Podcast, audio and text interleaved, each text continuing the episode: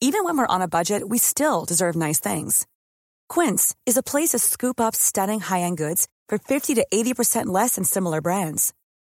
They have buttery soft cashmere sweaters starting at $50, luxurious Italian leather bags, and so much more. Plus, Quince only works with factories that use safe, ethical, and responsible manufacturing. Get the high-end goods you'll love without the high price tag with Quince. Go to quince.com slash style for free shipping and 365-day returns. A lot can happen in three years, like a chatbot may be your new best friend. But what won't change? Needing health insurance. United Healthcare Tri Term Medical Plans, underwritten by Golden Rule Insurance Company, offer flexible, budget friendly coverage that lasts nearly three years in some states. Learn more at uh1.com. Systrarna Elvstrands hästpodd är producerad av Media House by RF. Hej på er allesammans och varmt välkomna till systrarna Elfstrands hästpodd avsnitt 93! Vi närmar oss avsnitt 100 med ett stormsteg får man säga. Ja, och jag får ändå säga att det är en ganska bra siffra eftersom jag är född 1993. Just det ja. ja men jag gillar också den här siffran eftersom världens bästa syster föddes då. Åh, vad du är gullig! Ja, jag vet. Men vi vill säga hej och välkomna. Det här är ju podden om dig och mig Emma. Mm. Vi har tre stycken egna hästar som vi håller på och tränar och tävlar i hoppning och dressyr med och vi rider ju på hobbynivå Mm. men har ju ändå ambitioner att utvecklas så mycket vi kan med våra hästar. Precis, och vi tycker det är kul att diskutera hästlivet i stort och smått och hästsporten i stort och smått. Det kan man ju verkligen säga sammanfattar vår podd bra. Ja men det, det tyckte jag var en bra sammanfattning. Mm. Hur är läget idag? Jo men alltså det är ju bra egentligen med mig förutom då min jäkla höft. Ja, alltså det, det här går ju inte. Vi red ju i förmiddags nu innan vi spelade in det här avsnittet. Mm. Och då red jag i dressyrsadeln för första gången sedan jag tävlade dressyr på Bella faktiskt. Och det gick ju alltså helt okej när jag red men jag kan inte använda mitt högerben så som jag brukar. Och högerbenet är ju det benet som jag har ont i nu. Eller jag har ju ont uppe vid typ höftböjan, ljumsken. Och eh, ja, alltså vad ska jag säga? Det, det gick okej att rida men när jag hoppade av, alltså jag kunde typ inte gå. Nej alltså jag fick ju skritta av Bella Ja. för du kunde ju inte gå. Nej jag kunde inte gå. Jag haltar som en riktig jäkel och alltså det gör så ont så det känns som att det bara hugger till och att jag ska trilla ihop nästan. Mm. Jag förstår ju känslan för jag har ju haft liknande smärtor. Mm. Men eh, som tur är så ska vi till vår naprapat idag när det här avsnittet släpps. Mm. Så förhoppningsvis så är det ju det som behövs. Ja men jag får hoppas det för jag känner ju verkligen hur skev jag är i kroppen också. Och det, alltså jag måste ha lyckats knixa till mig själv på något vis för jag har ju inte haft ont nu direkt på ett bra tag men så ont som jag har haft nu det har jag, alltså det var länge sedan som jag hade får jag säga. Ja, men vi vet ju att det ordnar sig. Alltså man får ju ha lite is i magen när man har så smärtor och anpassa sig lite efter det. Men det är ju störigt. Det är det verkligen. Men hur är läget med dig Anna? Jo men alltså det har fasen varit bättre. Jag har haft en riktig skitmåndag för det är det ju när vi spelar in idag. Mm. Fast jag har ändå haft väldigt fina bitar i den också så jag ska inte bara klaga. Men ah, vi har ju köpt en ny transport. Vilket jag är så, så, så, så, så glad och tacksam för. Vi kan prata lite mer om det sen. Men Fokus, min kära lilla häst, han gillar ju inte riktigt förändringar så mycket. Han är ju väldigt känslig och jag fattar hela den grejen. Men så tänkte jag så här, för jag har haft väldigt ont i magen och mitt huvud så att jag bara nej, jag skiter i att träna på gymmet idag. Så då tänkte jag att medan Emma åker och tränar med sin stackars höft så tar jag och tar fokus till ridhuset för det är stenfruset ute idag. Ja. Men eh, ja, vi försökte ju godtroget att lasta i en timme utan att det, lyckades. Så till slut så när du kom hem från gymmet så gick han ju på, tack Ja. och lov. Men jag kände bara, ah, alltså det kändes som ett sånt misslyckande på något vis. Jag, jag var inte stressad över att så här, nu måste vi skynda oss innan Emma kommer hem och sånt där. För jag kände bara att bara vi kommer iväg så är det lugnt. Så att jag var inte stressad på det viset. Men jag blev ju lite stressad över att han Alltså han blev liksom så mm, obekväm med transporten. Och det har han inte varit innan med vårt gamla släp. Ja men nu har han ju typ precis lärt sig att gå på vårt gamla släp. Mm. Ändå ganska så avspänt och att han har kunnat göra det själv och sådär. Men nu har det kommit ett helt nytt släp. Och det blir ju något helt nytt som han måste vänja sig vid. Och lära sig att gå på. Så det var ju verkligen inte lätt idag med honom. Nej, verkligen inte. Men vi lyckades ju. Och sen när jag skulle åka hem från ridhuset så gick det ju på alltså, noll och inga sekunder. Så det kändes ändå väldigt skönt och han gick jättefint idag. Så att jag är ändå glad över det. Men det känns ju lite sisådär nu när vi ska åka iväg två dagar i helgen själva. Alltså inte själva som i bara jag och fokus utan bara fokus och Ja. jag och hela min familj typ. Nej så att åh, det skaver lite i mig. Nej men jag vet ju också att det kommer att lösa sig men åh, det grämer mig lite kan jag ju erkänna. Jo, Så jag ska lägga lite tid på lastträning i veckan. Mm. Ska jag klämma in. Ja, precis. Vi har ju en intensiv vecka framför oss kan man säga. För idag när vi spelar in är det måndag och då ska vi podda och sen ska vi redigera podd och YouTube-film. Imorgon blir lite lugnare men sen så ska vi ju jobba på på onsdag och på torsdag så ska vi åka upp till Stockholm eller snarare Solna för att vi ska jobba där på fredagen lite grann, spela in podd och filma och eh, ha träff i Galloping Goops monter klockan 17.30. Så ifall ni vill träffa oss eh, på Sweden International Horse Show så är det på fredag klockan 17.30 i Galloping Goops monter alltså. Mm. Så vi ska upp på ett dygns jobb kan man säga. Och eh, det blir ju väldigt intensivt för vi har ju ändå typ fyra timmar kanske upp till Solna skulle jag säga. Ja, något sånt. Ja, och eh, då har vi väldigt mycket som behöver göras klart innan, innan vi kan åka också. Ja, lite så. Och även om vi bara ska göra roliga grejer, Mm. både i Stockholm och att jag i helgen ska tävla, Ja. så är det ju, det känns ju lite som ett berg framför sig. Mm. För att man vet att det är så mycket att göra och då blir man stressad och så sover man sämre. Så att äh, det är Mm. lite kämpigt just nu. Ja, Men vi får ju försöka se det så här att vi har ju planerat allting. Mm. Vi vet ju exakt vad vi ska göra. Så egentligen behöver vi inte lägga så mycket energi på att åh gud det är så mycket att göra för att vi vet ju vad vi ska göra. Precis, och jag tänker som så att om du har stressiga perioder, oavsett om det handlar om jobb eller skola eller vad det nu kan vara, så tycker jag det är väldigt bra att ja, men dels lägga upp en plan med exakt vad du ska göra för varje dag och sen att du verkligen tar en dag i taget så att du inte tänker på fredagen när det är måndag, utan på måndagen så ska du göra måndagens uppgifter Mm. och på tisdagen ska du göra tisdagens uppgifter. Och det är egentligen samma tänk som du ska ha med hästarna när du tävlar till exempel. Att när du är inne på framridningen så ska du inte tänka på det som kommer ske inne på banan utan då ska du fokusera på framridningen. På framhoppningen ska du inte heller tänka på vad du ska göra inne på banan utan då ska du fokusera på det du gör på framhoppningen. Så alltså jag tycker att det tänket går att applicera på många delar i ditt liv. Verkligen och det är någonting som jag har fått jobba ganska mycket på. Mm. För att jag är gärna en sån person som tänker väldigt mycket framåt och bara åh jag ser fram emot Göteborg Horse februari nästa år. Ja. Alltså sån kan jag ju vara. Och sen när det väl kommer så är det lite så här jaha. Alltså inte för att jag inte uppskattar det men det blir lite antiklimax. Så Ja, det är precis. bra att försöka vara här och nu Mm. oavsett vad det gäller. Absolut, så det blir ju som sagt intensivt. Vi kommer komma hem typ natten mellan fredag till lördag. Mm. Kommer vi tillbaka på Slätta och sen på lördagen så ska du tävla med fokus och på söndagen. Men som tur är så startar du inte förrän vi typ ja, men efter två någon gång. Nej, så att det kommer ju inte bli några bekymmer. Men jag tänkte att jag kommer försöka ha alltså, utrustningen och så redo så att jag har putsat allting. Så det bara är för mig att packa och göra i ordning fokus och lasta då på lördagen och söndagen. Så det ska bli kul. Mm. Vi har en liten plan för veckan. Det har vi.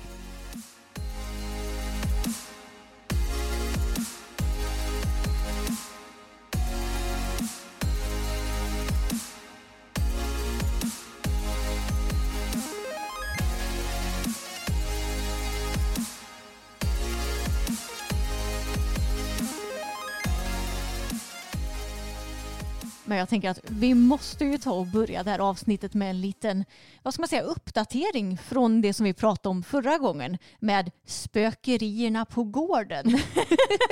För jag tycker, ja, vi har lite uppdatering att komma med det här, men den första uppdatering som jag måste säga det är att vi har faktiskt fått ovanligt, tänkte jag säga, få alltså kritiska och negativa kommentarer om det hela. Ja men faktiskt, jag, jag trodde att det skulle vara många mer som Mm. var kritiska. Och som jag sa i förra avsnittet, alltså, jag köper att inte alla som lyssnar på vår podd och följer oss kan tro på det här. Mm. För att det finns ju väldigt många fish in the sea och alla har vi olika åsikter och tankar. Ja, precis. Men sen så kan man ju välja på vilket sätt man uttrycker sig på också. Verkligen. Det, det fanns ju kanske någon som kommenterade liksom, ja men jag har svårt för att tro på någonting som jag inte själv kan se och det köper jag.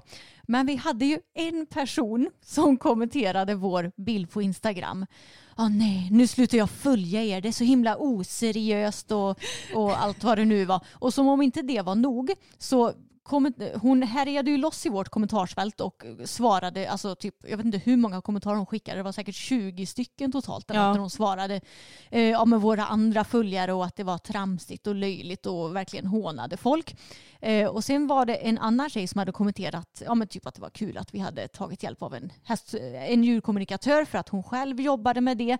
Och då hade ju den här kvinnan, alltså den första kvinnan som jag pratade om, hon hade ju då kommenterat alltså väldigt kränkande ord då till den här tjejen som jobbade som djurkommunikatör. Sen hade hon gått in på hennes Facebook-sida Ja. och skrivit till henne och härjat också tydligen. Ja, alltså man, man kan ju fundera på hur mycket energi man orkar lägga på någonting som man absolut inte tror på. Nej, exakt. Alltså, hade jag läst i något kommentarsfält, alltså, jag personligen tror ju inte jättemycket på så här stjärntecken och sånt där. Nej. Jag tror inte att alla som är födda 3 mars, samma som jag, är fiskar och är stöpta i samma form. Alltså, det, det har jag lite svårt att tro på. Mm. Så det är inte så att jag härjar runt i folks kommentarsfält som tror på astrologi och bara Åh det där är humbug och gud vad löjligt och oseriöst. Alltså, skulle aldrig få för mig. Folk Nej. får ju tro på det de vill. Ja, och den här kvinnan hon var ju också väldigt tydlig med att hon skulle sluta följa oss. Ja, hon skickade till och med ett DM Hon till oss. skickade ett DM och sa att hon skulle sluta följa oss och att vi var så oseriösa.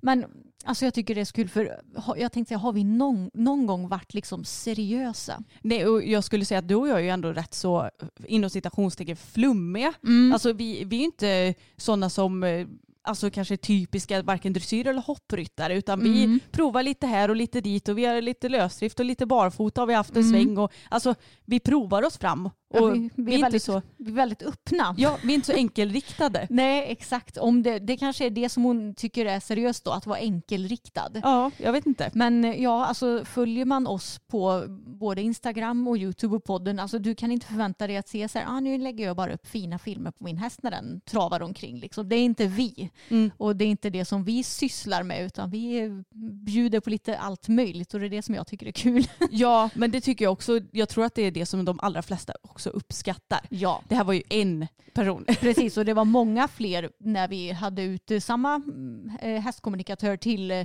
Tag och Boppen. Då bloggade vi och då fick vi ju många fler eh, alltså kritiska kommentarer. Ja, Så det känns ju som att eh, ja, men hela ridsportvärlden blir ju mer och mer öppen hela tiden. Det var ju samma förr i tiden tyckte ju vi att lösdrift det, det kan ju inte en ridhäst gå på. Mm. Alltså då var ju det lite tabu att ha hästar på lösdrift medan det nu blir mycket mer vanligt och det blir också mer vanligt att ja, men ta hjälp av djurkommunikatörer känns det som. Ja, och jag känner lite så här att det, jag tycker att det är skönt, eller skönt, men jag tycker att det är viktigt att vi vågar prata om sådana här grejer också som Mm. djurkommunikation. För att oavsett om man väljer att tro på det eller inte och oavsett om man väljer att använda det eller inte själv så tycker jag att det är viktigt att prata om att det finns olika sätt att gå och Mm. olika saker att prova och det är inget fel i att prova saker. Men eh, vi har ju också en liten uppdatering kring eh, vårt eh, spöke. Mm. för det är nämligen så att vi har en följare som heter Maggan som skrev till oss och dels så skrev hon, för hon har också lite andliga egenskaper och Mediala förmågor kan man säga. Precis, andliga egenskaper. Hon är halvt spöke. Nej jag skojar. Jag vet inte var jag fick det ordet ifrån. Men i alla fall, hon eh, skrev i alla fall till oss innan vi hade gått ut med vad Kajsa hade sagt och skrivit i princip exakt samma saker som, Mm. som Kajsa sa till oss och det var Mm. väldigt intressant. Och sen så skrev hon lite om vårt spöke. Hon har skrivit så här. Ja, för hon skrev ju också att fokus känner av energier och så skrev hon Mm. jag vågade inte nämna att energierna kommer från en ande men hon har rätt. Kvinnan heter Sigrid och vill inget ont så nu får vi ju byta namn då. Mm. Hon heter inte Malene utan hon heter Sigrid. Ja, och vill inget ont precis som Kajsa har sagt. Blir det för mycket så kan ni be Sigrid att backa undan då fokus känner obehag. Det kan räcka med att ni ber henne att backa längre bort och att ni får se ifall det blir bättre. Och lite sådär. Och då så frågade jag eh, Maggan om hon kunde skriva lite mer saker. Känner du lite om hur gammal Sigrid är? Vet du någonting om henne eller sådär? Mm. Och då så skickade Maggan detta. Ja, då kommer lite vidare info om Sigrid och Emma låg bra till med gissningen när Sigrid kunde ha varit född och levt. Sigrid föddes 1870 och hennes mamma arbetade som sömmerska i hemmet utöver att ta hand om hem och barn. Sigrids pappa var respekterad och kunnig. De hade det något bättre ställt än inom citationstecken vanliga bönder, dock ej överdådigt och hennes pappa arbetade inom handel på något sätt. Möjligt att hans arbetsplats var i anslutning till något tryckeri av tidningar. Sigrid hade tre bröder och dessa hade större frihet och möjligheter än vad Sigrid hade för det föll sig naturligt att Sigrid blev mer av en pojkflicka i hopp om att få göra det hon älskade mest och det var att rida. För på den här tiden så var det väl säkert så att ja, men flickor och kvinnor de kanske åkte häst och vagn på sin höjd men de red Mm. kanske inte så mycket och kunde Nej. inte delta i de tävlingarna som anordnades på den tiden. Så den drömmen gick inte i uppfyllelse för Sigrid då. Så hon smög sig ofta iväg till en granngård som hade mycket fina varmblodshästar där hon ofta satt och tjuvlyssnade för att få mer kunskap om hästar och skötsel. Sigrids ena bror red en hel del på granngårdens hästar men var enbart intresserad av själva ridningen och inte arbetet runt omkring hästarna. Och det fanns ett uns av avund i Sigrid för hon ville ju också rida men även ta hand om hästar och jobba med hästar. Men hon var ju en flicka som fick nöja sig med att åka häst och vagn och ja, men kanske få någon ridtur någon gång. Och Sigrids utseende då? Hon var en mycket vacker mörkhårig skönhet men hon gifte sig aldrig och hon fick heller inga barn.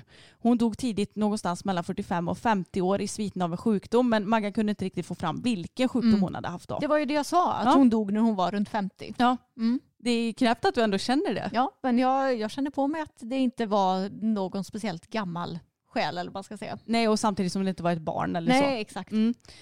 Hon hade ett vänligt väsen och hon fann sin plats med just hästarna för att de gav henne den kärlek och tillit och frihetskänsla som hon önskade sig att få. Och nu kommer vi till lite roliga grejer här då. Mm. Fokus påminner henne mycket om en häst som hon var extra förtjust i. Och sen red hennes bror på en fux precis som Tage. Och överlag så gillar Sigrid den typen av hästar som Fokus och Bella är, som är höga och ståtliga. Mm. Och Sigrid tycker att vi lever hennes dröm. Ja. Så det är därför hon tycker om att vara där och se på oss. Mm. Så det är ju lite gulligt. nu kommer vi till det allra roligaste. För jag berättade ju att pappa ställde sig nere vid Ja. paddockkanten för att Fokus höll på att kasta sig och hade sig och då gick det ju bättre. Mm. Och då har Magga skrivit så här. Hon tycker inte om när Hans har ställt sig så att hon ej kan se er. Så hon berättar att hon har lust att killa honom i nacken eller peta på honom bara för att han skulle flytta på sig. Mm. Och hon säger att det inte är helt omöjligt att Hans har känt av hennes närvaro när han har hjälpt er med att stå i nedre delen av paddocken. Men jag frågade pappa om detta Ja. och han sa att nej jag har inte känt någonting. Eh, Men frågan är om pappa hade vågat erkänna någonting. Ja, och han känns ju också som en väldigt stängd människa. Alltså precis som oss. Och Mm. Ja. som kanske inte vill eh, känna sånt heller. Lite så. Och eh, Magga skriver också att de bodde inte jättelångt från er gård och man kan se gamla spår av, eller man kan se spår av den gamla grunden till huset om man hittar själva stället. Så ja, det var väl egentligen det tror jag. Ja. Det hade ju varit väldigt intressant om vi hade kunnat eh, ja, men forska lite på det och se om vi faktiskt kan hitta någonting. För hon fick ju upp lite namn som skulle kunna ha varit Ja. med i Sigrids familj och sådär. Eh, så det är ju lite om vi har tid och ork att liksom söka efter det här för att eh, ja, men det, det hade varit väldigt häftigt att få det liksom bekräftat eh, alltså i verkligheten också. Ja, verkligen. Och vi säger tack till Magga för det har varit Mm. jätte, jätteintressant. Och återigen, ni får, som lyssnar får tro på det om ni vill. Ja, men jag tycker bara det är väldigt gulligt. Ja, jag tycker det också. Även om det såklart är lite störigt. För att man bara, Sigrid kan du backa lite gumman? För att Mm. eh, det är liksom så att Fokus tycker att det är lite jobbigt. Ja, precis. Men eh, ja, det, det, vårt spöke heter Sigrid i alla fall. ja. En vänlig själ. Och det är ju lite roligt också för att vi har ju en medryttare som heter Sigrid. Ja. Så det är lite kul att de heter samma sak. Ja, verkligen. Någonting som jag glömde bort att prata om helt i förra avsnittet eftersom vi blev så himla insnöade på fokus kommunikation. Det var ju att jag har ju provat ut en dressyrsadel. Wow, wow, wow. Mm. Vad blir det då? Ja, det här är ju lite ironiskt för det var förra, nej det blir två veckor sedan nu när det här avsnittet släpps. Ja. Då hade jag ju då sadelutprovning och eh, den enda dressyrsadeln jag har ridit i de senaste åren det är ju din sadel som är en Equip Olympia Mm. som jag älskar. Och den är så himla skön och den passar bra på Bella och sådär också. Men jag tänkte att nu ska jag försöka vara lite öppen och så ska jag få testa lite olika och se vad jag gillar. För tyvärr så är Equip Olympian en dyr sadel. Ja. Så det är klart att det hade ju inte skadat om man hade hittat något som var lite billigare. Men då kom Josefin från Josefins sadlar och hade med sig ett gäng olika sadlar. Och det här var ju dessutom var det typ, det måste varit dagen efter som min höft ballade ur. ja, jag tror det var Ja. något sånt där. För det var dagen innan är jag ganska säker på som det började hugga till och sådär första gången. Och då hoppade jag upp och så red jag lite hoppade av, hoppade upp, red i nästa sadel, hoppade av och så vidare. Jag tror jag testade sju sadlar och jag fick ondare och ondare i höften för varje gång. Så, alltså, förutsättningarna för att prova ut en sadel det var ju kanske inte det allra bästa. Nej men alltså jag fnissade lite för att jag tog ju med mig Tage samtidigt och Mm. red lite i ridhuset under tiden. Vi slog lite två flugor i en smäll där. Och alltså seriöst, Emma hon hoppade upp i ena sadeln Mm. och så skrittade hon ett halvt varv, kanske på sin höjd började trava tio steg Ja. innan hon sa nej. Japp. Och sen så var det likadant på nästa. Nej. Nej, jag vet vad jag vill ha. Det, jag är en väldigt eh, enkel kund att ha att göra med i alla fall. Jag Alltså vet. minst sagt. Ja, alltså, men jag känner ju med en gång när jag hoppar upp i en sadel att nej, uh, alltså man får liksom den här känslan nej, det här kommer aldrig gå. Eh, och speciellt nu när jag vet lite hur det ska kännas Mm. i och med din sadel. Så då tänkte jag att ja, men, om inte någon av de här passar så kommer jag att ja, men beställa en sån Equip Olympia. Och jag testade någon sadel som ändå var ganska bra men ingen kom ju upp i Equip Olympias nivå. Eh, Så det hela slutade med att jag har då beställt en Equip Olympia som ska passa mig och Bella optimalt. En mörkbrun blir Mm. det, vilket är perfekt för jag har ju redan mörkbrun utrustning nu och tycker att det är väldigt fint. Eh, Den ska vara så här extra typ, vad ska man säga, med extra mycket bogfrihet tror jag. Ja, och lite uppbyggd i fram Ja, va? lite uppbyggd i fram. Mm. Eh, För hon, alltså hon har ju lite, det är lite klurigt det här med sadlar och sådär för hon har ju så himla stora bogar och rör sig ganska mycket i fram så jag tror att det kommer bli bra med lite uppbyggt i fram och mer bogfrihet. Jag tror hon kommer röra sig kanske till och med ännu bättre än vad Mm. hon gör i din sadel. Eh, Och även lite högre i bak så att hon ska få lite plats. Mm. Och eh, i 18 tum tror jag. Du har ju 17,5 tum. Men jag tänker att om jag tar 18 tum kommer jag ändå att känna mig ännu lite mer bekväm. Ja men det kommer ju bli superbra och jag älskar ju min sadel. Och det är alltid lite sådär när man ska köpa en ny sadel. Det är ju tråkigt att lägga mycket pengar på. Men samtidigt så har ju de bra andrahandsvärde och om inte du kommer att, ja inte vet jag, sadla om till något annat så kommer du kunna ha den hur länge som helst. Mm. Om man tar hand om en sadel så håller den ju jätte, jättelänge. Precis. Så att jag menar, det är ju lite vad det är. Ja. Och du och jag diskuterade ju det att vi lägger ju hellre pengar på en sadel än att typ spara ihop pengar till någon resa. Ja. Även om vi gillar att resa ibland så är det inte så att vi bara, ja ah, men nu ska vi lägga 50 000 på att åka eh, jorden runt. Nej jag skojar, då behöver man ganska mycket. Men ni förstår nog vad jag menar. ja, och den här sadeln, ja när du köpte den så kostade den 32 000 Mm. och det var tre år sedan va? Ja, det- jag tror det var Jo. typ tre år sedan jag köpte det, det den. måste ha varit 2018. Ja. Ja, och nu då tre år senare då har den gått upp 5 000 kronor i pris och nu kostar den 37 000. ja, det är helt galet. Alltså det är liksom dyrare än vad många hästar kostar. Ja.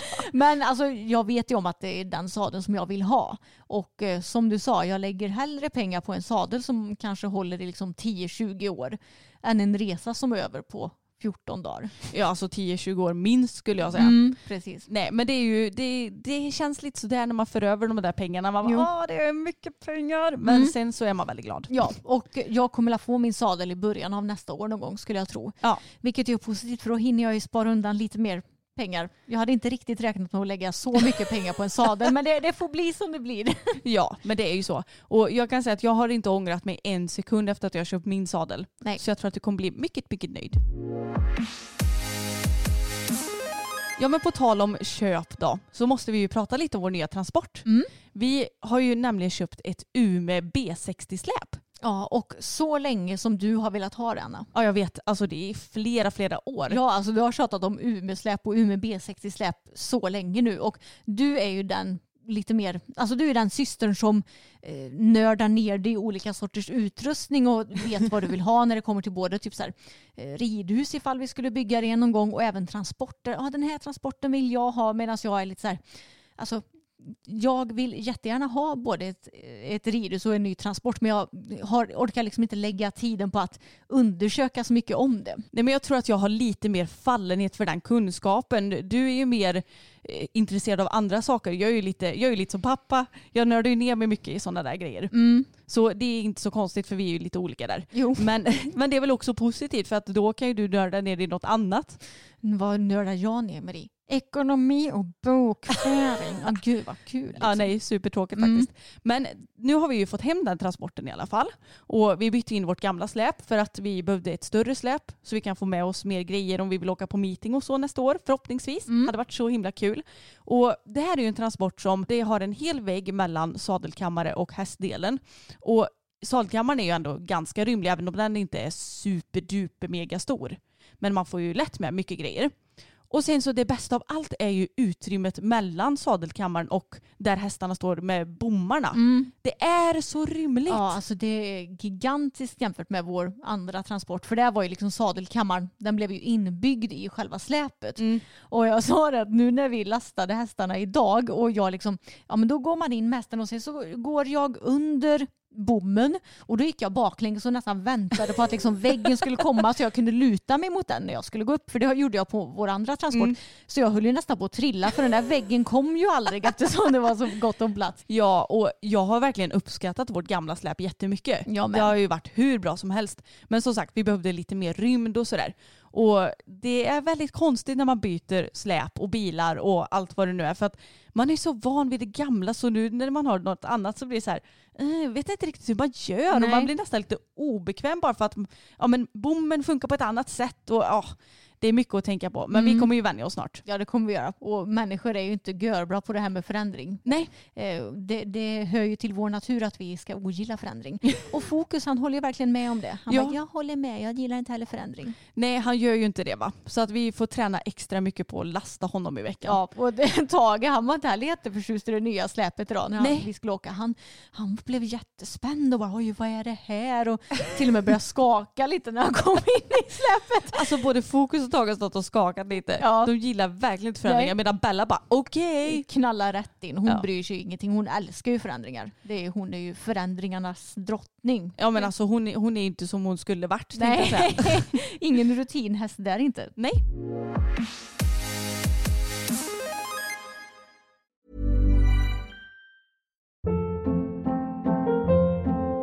Hold up. What was that? Boring. No flavor. That was as bad as those leftovers you ate all week. Kiki Palmer here, and it's time to say hello to something fresh and guilt-free. Hello Fresh. Jazz up dinner with pecan-crusted chicken or garlic butter shrimp scampi. Now that's music to my mouth. Hello Fresh. Let's get this dinner party started. Discover all the delicious possibilities at hellofresh.com. Quality sleep is essential. That's why the Sleep Number Smart Bed is designed for your ever evolving sleep needs. Need a bed that's firmer or softer on either side? Helps you sleep at a comfortable temperature? Sleep Number Smart Beds let you individualize your comfort so you sleep better together. JD Power ranks Sleep Number number 1 in customer satisfaction with mattresses purchased in-store. And now, save 50% on the Sleep Number limited edition Smart Bed for a limited time. For JD Power 2023 award information, visit jdpower.com/awards. Only at a Sleep Number store or sleepnumber.com. Men nu i helgen så har det ju gått lite ridsport på tv Mm. från Global Champions Tour och det sänds för övrigt på Discovery Plus sänder ibland eh, ridsport som sänds på Eurosport. Och eh, då passade jag på att kika på superfinalen i Global Champions Tour. Och den vanns ju av ingen annan än Henrik von Eckermann och King Edward. Ja men alltså de är ju ett sånt team nu. Ja men det måste ju vara världens bästa ekipage år 2021 eller? Ja jag tror nog det. Nog Ja. för att Peder är världsetta men Mm. just nu är ju det ekipaget guld. Ja men alltså de levererar ju tävling för tävling och jag har ju aldrig varit med om maken på häst som typ aldrig river. Nej. Alltså de är så fantastiska och det, alltså den hästen det är ju min favorithopphäst just nu får jag säga. Ja men den är väldigt trevlig. Ja, nej men alltså det såg så bra ut och det är så himla kul att det går så bra för Henrik och jag tror nog att han kommer nog kunna fightas om den här första platsen på världsrankingen med Peder snart. Ja alltså om inte annat så lär han ju verkligen klättra där. Mm, verkligen, han är ju trea nu och jag tror definitivt att han har möjlighet att eh, klättra upp ännu mer snart med Mm. tanke på hur bra det går. Och det är ju väldigt eh, skönt och kul också för honom att eh, Jannica fortsätter att låta honom rida den här fina hästen. Gud ja, för hon kan ju lika väl, nej nu är det min tur.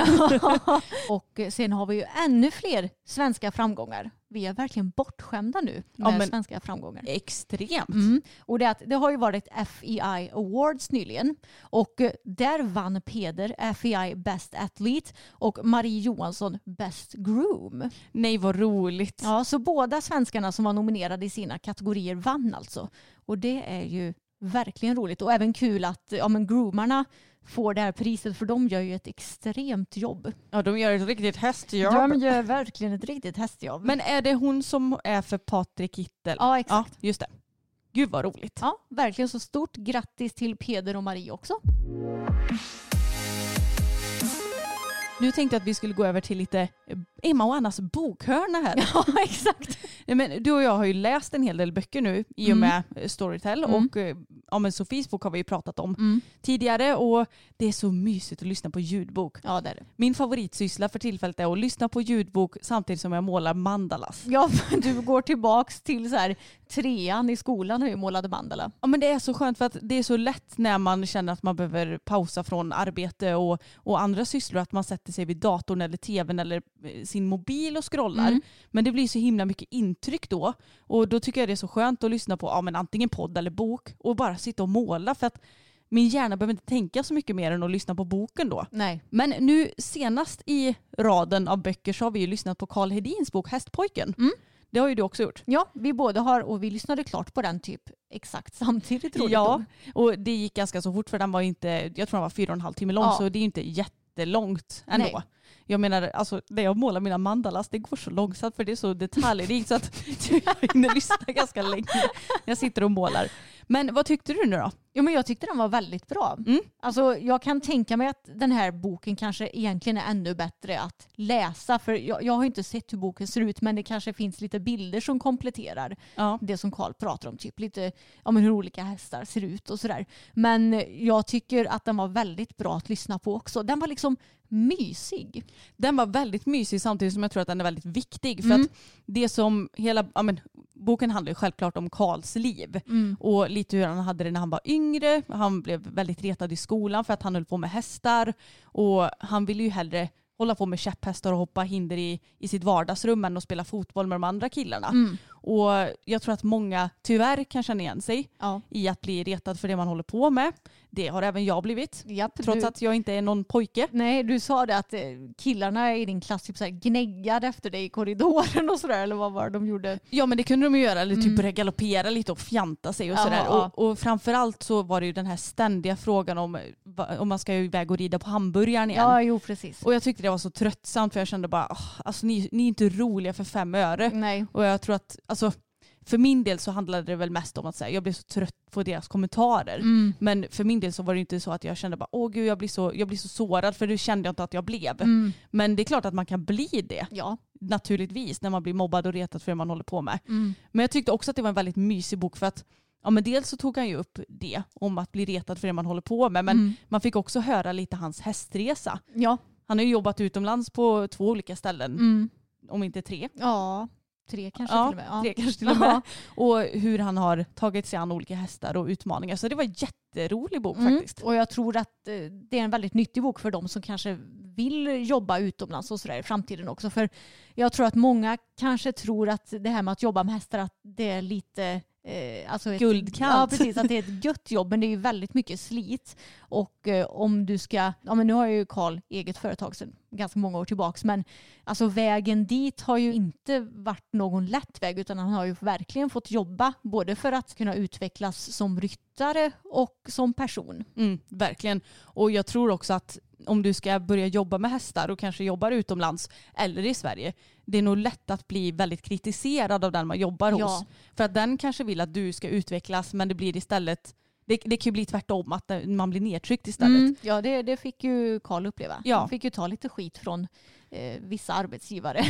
och jag menar, det är inte alla som kan ta det. Alltså hade någon hållit på som med mig så hade jag nog inte fortsatt jobba tror jag för den personen. Nej, jag- vet knappt om jag hade orkat rida. Nej. Då hade jag bara, nej men jag är så värdelös så det är ingen idé att jag fortsätter med det här. exakt. Men sen så har jag också börjat lyssna på Johanna Lastnacks bok. Mm. Den fick vi hemskickad i förra veckan var det väl? Du har börjat läsa den menar du, inte lyssna Ja, på? Så jag lyssna? Ja. Ja. jag menar läsa för den finns inte som ljudbok Mm. än. Men vi fick den hemskickat i alla fall. Mm. Och alltså, mitt första intryck av boken var att den är så, så, så, så fin. Mm. Och den heter En mental sporre Mm. och handlar ju mycket om hur man ska tänka, både som ryttare men också i allmänhet. Mm. Och nu har inte jag hunnit läsa så mycket för att det är ganska mycket information så att jag väljer att läsa lite i taget. Mm. eh, För att inte bli så här överöst med massa olika Nej. verktyg och grejer. Men den är jätte, jättebra hittills. Och något som jag insåg nu när jag läste Johannas bok, Mm. det är att jag ursäktar mig själv ganska mycket. Ja. För vi ska ju starta med så se nu i helgen, jag och Fokus. Och då har jag alltid sagt så här, ja vi får väl se hur det går och det är så skönt med dressyr för att man behöver inte känna sig 100% redo utan man kan testa ändå. Och så här, jag ursäktar mig nästan lite i förväg för att det eventuellt kan gå dåligt. ja. Och det är ju urbota dumt egentligen. Mm. För att jag menar, vi ska ju ändå starta den klassen för att jag ändå tror att vi klarar av det. Ja. Och det tror jag ju. Mm. Alltså senast idag så hade vi inga problem med varken enkla byten eller den förvända galoppen eller eh, något som ingick i, i med José som vi ska rida i helgen. Så varför sitter jag då och säger att ja, ja, men vi får prova och så får vi se vad vi behöver jobba vidare med. Mm. Men det är nog lite så som ganska många funkar tror jag, att man skyddar sig själv lite. ja, det blir som en försvarsmekanism. Ja, och det är ju egentligen inte så konstigt att jag gör så här för jag har aldrig startat programmet tidigare och det har inte Fokus heller gjort. Men jag ska verkligen försöka att omvandla mitt mindset här nu på några dagar och ja, men bli lite mer bekväm i att tro att vi klarar av det. Mm, alltså få lite mer självförtroende i det hela. Ja, och, ta och- lite plats eller man ska säga. Precis, och lite byta mitt tankesätt också att vi klarar av det, inte så här vi kanske klarar av det, för Ja. ordet kanske blir ju negativt. Exakt. Men eh, Johannas bok är så nyttig och det ska bli spännande att se vad som finns ännu längre in i den. Mm. För jag tror att jag har läst kanske 70 sidor eller något Ja. sånt där.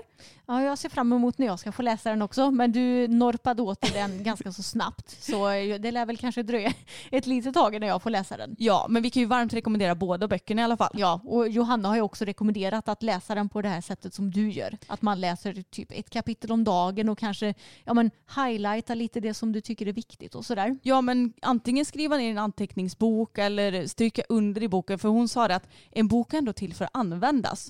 Och det är ju helt rätt för jag är nästan så här, åh jag vill inte vika Ja, några vet. hörn eller ni vet göra hundöron eller sådär. Men det är klart att man ska använda boken. Mm, precis, man får se det lite som en studiebok nästan. Ja, men jag har faktiskt inte markerat något i boken för jag tänker att du ska ju också läsa den. Och då är det ju onödigt om jag highlightar något och du bara läser det som jag har highlightat. Ja men exakt, jag ska få göra mitt lilla jobb också. Precis. Mm. Men det kan ju faktiskt vara ett bra julklappstips. Ja. Att, eh, ja, men om ni har någon hästintresserad kompis eller Mm. släkting eller vad som helst, då båda de här böckerna är ju jättebra som Mm. julklapp. Verkligen. Jag måste bara säga en sak om Karls bok också. För det var någon gång i slutet på boken så fick han någon fråga som jag tyckte var så lustig. Och jag menar vi jobbar ju också med sociala medier och ibland får man ju frågor som är lite lustiga. Man ska säga. Mm. Och om jag har förstått honom rätt så har han fått frågan ganska många gånger eh, varför han inte rider på den högsta nivån. Alltså varför han inte rider de stora mästerskapen. Ja.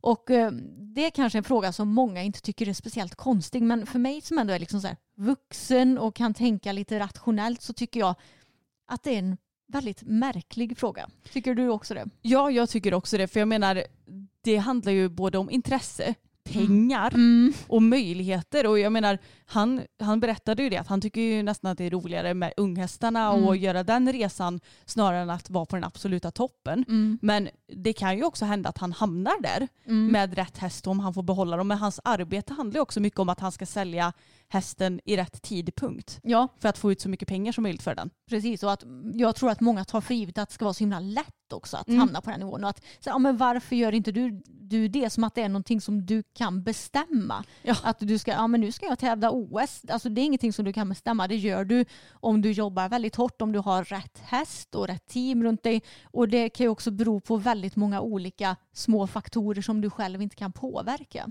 Nej, och rent krasst, alla vill inte tävla OS. Nej.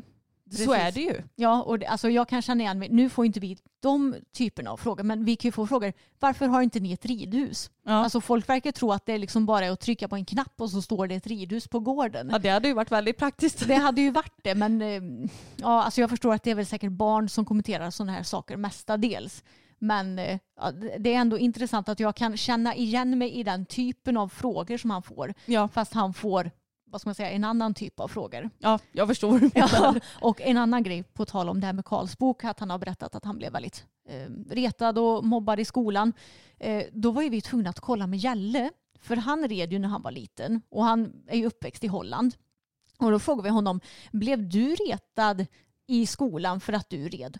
Och han bara, nej, men jag trodde att typ alla höll på och red när jag var små. Alltså att det var att hästar och ridning var någonting som nästan alla provade att göra när de var barn. Ja, det För- kanske är lite som fotbollen här i ja, Sverige då. men exakt och det är väl väldigt kulturellt också för i Holland så är ju alltså, ridsporten väldigt stor. Det är den ju i Sverige också men i Holland kanske det är lite mer att ja, men som sagt alla provar på det. Mm. Medan i Sverige är det lite mer eh, nej men alla provar inte på det utan det är ju kanske mestadels då flickor som börjar Mm. att testa på det när de blir lite äldre medan i Holland så är det nu ska alla testa att rida. Ja, och jag tänker också att i Holland så kanske det är ännu mer människor som faktiskt jobbar med hästar i Precis. olika aspekter och då, då kanske det blir lite mer accepterat att Ja. hålla på med hästar oavsett vilket kön du har. Mm, precis, jag tror det. Men det är intressant de här kulturella skillnaderna som det ändå är från land till land. Och jag kan tänka mig att i Tyskland kanske de har lite mer holländsk mentalitet också. Ja, säkert. Mm. Men det är, det är för jävligt att man på att bli retad för sitt intresse. Ja, alltså jag hoppas att alla som lyssnar på den här podden tänker sig för när det kommer till sådana här grejer. Nu tror inte jag att vi har några mobbare som lyssnar på podden, men ja, det är något som vi verkligen behöver lära både våra kusiner och barn och släktingar att man ska bete sig oavsett vad den andra personen håller på med eller tror på eller tycker. Vi har ju pratat lite om ryttaren Anna Hassö i podden tidigare och att det känns som att hon har ett så himla sunt tänk när det kommer till hästar och att hon är en god förebild när det kommer till hästhållning och varierad träning. Och förra veckan så la hon upp en status på Facebook och Instagram som jag tyckte var väldigt intressant. Och det hela grundar sig i att Agria, försäkringsbolaget, har eh, lagt upp en text på sin sida när det kommer till återhämtning av häst. Och eh, de skrev då bland annat i sin text alla har inte möjligheten att låta hästen gå i stor hage tillsammans med andra där det inbjuds till rörelse naturligt. Då är det betydligt bättre att låta hästen skritta vid hand istället eller rida ut i skogen i lugnt tempo eftersom den aktiva vilan gör att musklerna återhämtar sig bättre. Och det är ju då bland annat det här som Anna har reagerat på. Mm. Och det hon skriver i sin status då på både Instagram och Facebook det är Nu reagerar jag på något tragiskt. Ett av de största försäkringsbolagen går ut med tips för återhämtning för hästar. Då utgår man från att hästar ofta står ensamma i små rutor och att det inte är en bra vila utan att man i så fall måste ge hästen aktiv återhämtning så som till exempel skritt vid hand. Ska vi verkligen acceptera att det finns hästar som lever så här alltid? Det är detta jag reagerar på. Inte att bolaget skriver detta utan att i och med det så har man accepterat att det är så. Hur vore det om man fick rabatt för hästar i ordentliga hagar eller lösdrift? Och ju mindre hage, inom parentes eller ingen, desto högre premie. Jag har ingen lust att betala för alla ledinflammationer på alla hästar som hålls så och rids på bana till 90 procent. Var i helvete ska detta sluta? Sen parasiter. Man måste hårdgöra för att marken ska tåla att gås på. Jag mår illa. Ja, det är väldigt intressant det hon skriver för att jag har aldrig tänkt på alltså det här att man borde göra någon form av premie för de som håller hästar på ett naturligare sätt. Precis, det, jag tyckte det var väldigt intressant och jag, jag gillar verkligen Anna att hon vågar ta mig tusan säga exakt vad hon tycker utan några fjoskel eller vad man Nej. ska säga utan att det är liksom hårda bud i Mellerud och det Hon gillar jag. ifrån. Ja, det gillar jag. Det, fler borde verkligen vara som Anna. Och jag tycker egentligen att det här med eh, ja, men lägre premie eller högre premier, det som hon pratar om är en god idé. Men det blir väl tyvärr svårt att genomföra i praktiken. Ja, det kommer ju säkert vara en gråzon. Vad Mm. anses vara en stor hage? Är den här tillräckligt stor för att jag Ja. ska hamna i den här premien? Ja, och hur ska man liksom hinna vad ska man säga, jobba med allt det här också. Då får väl Agri anställa typ dubbelt så många anställda som ska kontrollera det här. Och sen så kanske någon bara, ja men min häst går i den här stora hagen och sen en dag senare så sätter man den i en liten hage igen. Precis. Alltså, det går liksom inte att kontrollera men jag tycker ju egentligen att det är en god idé och för oss är det ju klart som tusan att hästar eh, alltså ska gå i flock i stora hagar om det inte är extrema undantag. Precis. Jag menar det kommer ju alltid finnas undantag oavsett vad. Mm. Men eh, ja, jag håller med Anna också och tycker att det är intressant. Hade, har Agri svarat något på det här eller? Ja, jag, jag såg på Ride News att de hade, de hade väl gett något svar men det var väl inget. Alltså det var, eh, det, jag tror det var ett sånt här politikersvar. Ja, lite ordbajseri bara. Lite ordbajseri upplevde jag det som i alla fall. Ja, okej. Och av det jag kan läsa på ja, men Annas kommentarer och sådär så håller ju de allra flesta med henne. Mm. Och eh, det är kul, det känns som att eh, ja, men det här med hästhållning och hur man har hästar, det blir mer och mer Eh, alltså det blir fler som diskuterar det och det blir fler som förstår grejen med det hela också och hur du bör hålla hästar för att det ska vara så naturligt och trevligt för dem som möjligt. Ja, och det är det jag tror att det är allra viktigast att man pratar om det. Mm. Som är så mycket annat. Att kommer det på tal så kanske folk i allmänhet förstår att ah, men det är lite konstigt med de här rutorna på 10 gånger 10 meter. Ja. Och jag tycker det är samma när jag läser, för ibland så får jag upp, det är väl säkert för att jag tycker sånt är kul, Mm. men på Facebook kan jag få upp så här, här har vi en hästgård i Lidköping till salu och då går jag in och tittar bara för skojs skull. Mm. Jag är inte intresserad av att köpa men Nej. då kan man titta lite på så här, ja hur många hektar är det här på? Ja det var visst en hektar.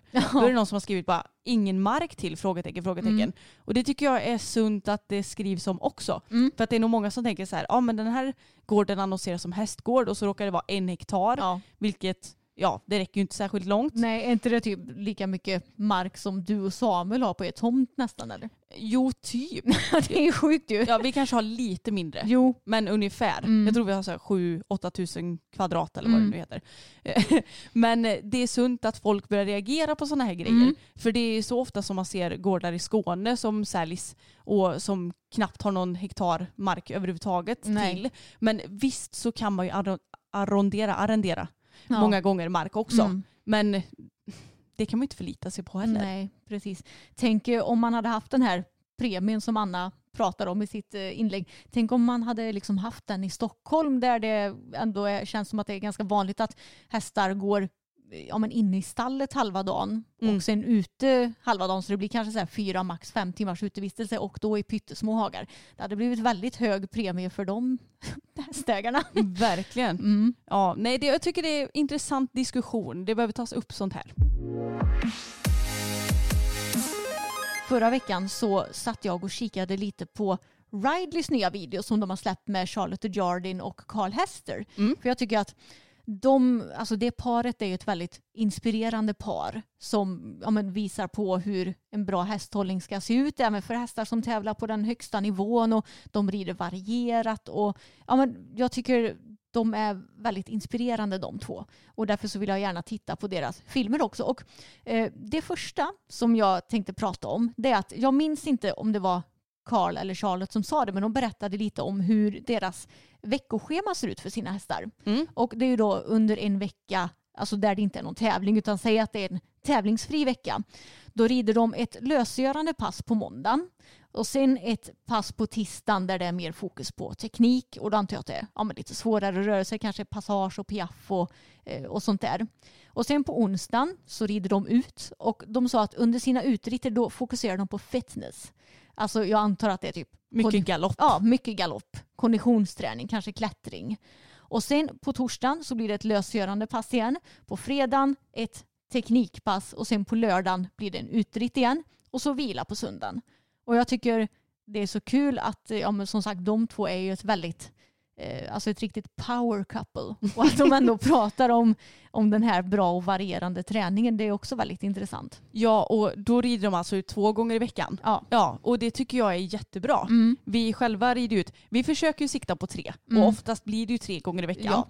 Men ibland så blir det två om, vi Mm. har, om det blir lite knapert om tid, om man behöver tävla eller whatever. Ja. Men eh, det är väldigt härligt att höra. Då känns det som att de har sin lilla Rutin. ramsa tänkte Mm. jag nästan säga. Det är så här lösgörande, hårdare pass, uteritt. Lösgörande, Mm. hårdare pass, uteritt. Precis. Så det är, ja, ett bra recept låter det Ja, som. många borde nog onekligen ta efter dem när det kommer till träningsupplägg. Verkligen, och nu kommer vi ju till vinter när det är lite svårare att rida ut och Mm. sådär. Men man får ju försöka att göra sitt bästa året runt. Ja, verkligen. Och det, är ju- alltså det, det är ju så himla svårt för oss här i söder för vi får ju liksom inga ordentliga vintrar. Vi sa det att nu har det de första minusgraderna kommit här Mm. och det har dessutom regnat ganska mycket innan. Så nu är det liksom, det är halt på backen men det finns fortfarande liksom ingen is och ingen snö så om man sätter i broddar så kommer det inte få något grepp ändå. Nej det finns ju inte tillräckligt med is för att det ska fästa i Nej, någonting. Exakt. Eller för att broddarna ska fästa i någonting. Nej, Så, mm. Det är det som är lite sugigt med att bo här i södra Sverige. För, alltså, jag tycker ju det är väldigt skönt att det inte blir så mycket snö och sånt där. För jag Ja. gillar ju inte kylan. Men det är väldigt opraktiskt när det kommer till utritter för oss på vintern. För det är inte alltid som vi har möjlighet att rida ut så mycket som vi kanske skulle vilja. Eller i det tempot som vi skulle vilja till exempel. Mm. Men man får ta det för vad det är. Det så är det ju för oss allihopa och det är hellre, då, då rider jag faktiskt hellre ett extra pass på banan eller Mm. ridhuset än att riskera att typ trilla omkull. Ja men exakt. Men nu då till nästa grej med eh, Carl och Charlotte. Mm. Och eh, det var i en video med Charlotte Jardin. Och eh, då berättade hon att ja, men, de, när hon har träningar för sina elever så vill de alltså hellre rida i det lätta varvet och göra, om man säger att de ska göra en rörelse, då vill de börja och göra det i det lätta varvet. Och de rider helst länge i det lätta varvet än det svåra. Mm. Förstår du vad jag menar? Ja, jag fattar. Och när jag hörde det så tänkte jag, jaha, jag är ju precis tvärtom. alltså att jag, jag vill rida mer i det svåra varvet för att, eh, för att på sikt liksom kanske förhoppningsvis att det ska jämna ut sig lite så att varven blir lite mer lätta. Mm. Hur är du? Gud, jag tror inte ens att jag har reflekterat så mycket över detta. Nej. För jag tror att jag rider, ja men det kanske är framförallt så här på Tage som har lite svårare för galopp. Då, då kanske jag eventuellt gärna börjar i hans vänster galopp för att han tar Ja. för sig lite mer där. Men samtidigt så är jag så här, har jag tänkt att börja galoppera och jag är i höger varv, då är det inte så att jag byter varv. Nej. Så jag tror inte jag reflekterar så jättemycket över det. Nej, du är ganska neutral. Ja, vilket Mm. kanske inte är så bra utan jag borde kanske tänka lite mer på vilket varv som är svårare. Mm. Men det får jag ju ta med mig om inte annat. Ja, precis. Nej, men om jag jämför mig då, eh, nu innan min och Bellas förra dressyrtävling, det var ju någon månad sedan nu, men då hade jag ju sådana problem med att sitta ner i traven i höger varv innan dess. Mm. Så då tränade jag, tränade jag ju mycket på det, att jag red ju ganska mycket höger varv. Nu ska jag få till den här nedsittningen för jag visste att det funkar ju redan i vänster varv. Så varför ska jag sitta och traggla i vänster varv? Sen får man ju såklart passa sig så att man inte sitter och rider för mycket i ett och samma varv, för Jo. det blir ju slitsamt för hästen. Men någon form av eh, självkännedom har jag väl antar jag. Ja men eller hur. Nej men så det, det var ju bra att du tog upp det för jag tror Mm. att alla vi kan bli lite mer observanta hur mycket vi rider i varje varv. Ja, Det är ju rätt gött när man har varit i det jobbiga varvet och så kommer man ut i det lätta och kan känna att man glassar lite mer. ja precis. Och jag vet att jag är ganska bra på att rida.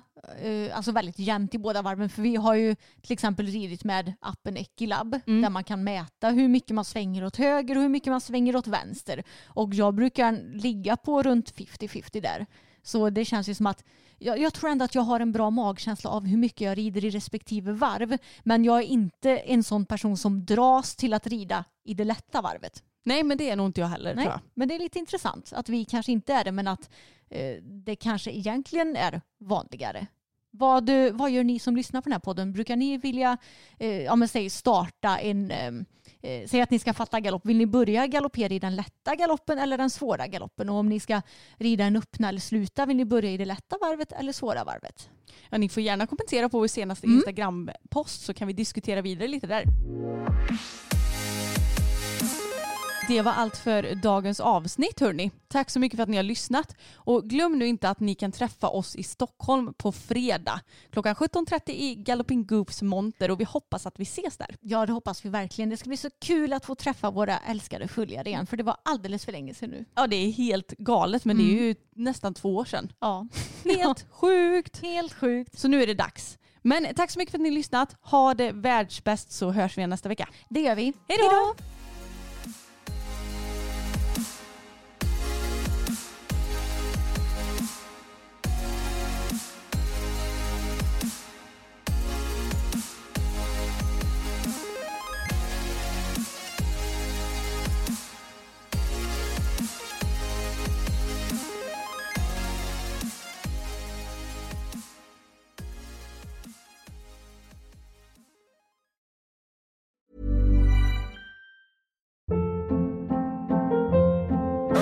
Hold up. What was that? Boring. No flavor. That was as bad as those leftovers you ate all week. Kiki Palmer here, and it's time to say hello to something fresh and guilt-free. Hello Fresh. Jazz up dinner with pecan-crusted chicken or garlic butter shrimp scampi. Now that's music to my mouth. Hello Fresh. Let's get this dinner party started. Discover all the delicious possibilities at hellofresh.com. Planning for your next trip? Elevate your travel style with Quince. Quince has all the jet setting essentials you'll want for your next getaway, like European linen, premium luggage options, buttery soft Italian leather bags, and so much more. And is all priced at 50 to 80% less than similar brands. Plus, Quince only works with factories that use safe and ethical manufacturing practices. Pack your bags with high-quality essentials you'll be wearing for vacations to come with Quince. Go to quince.com slash pack for free shipping and 365-day returns.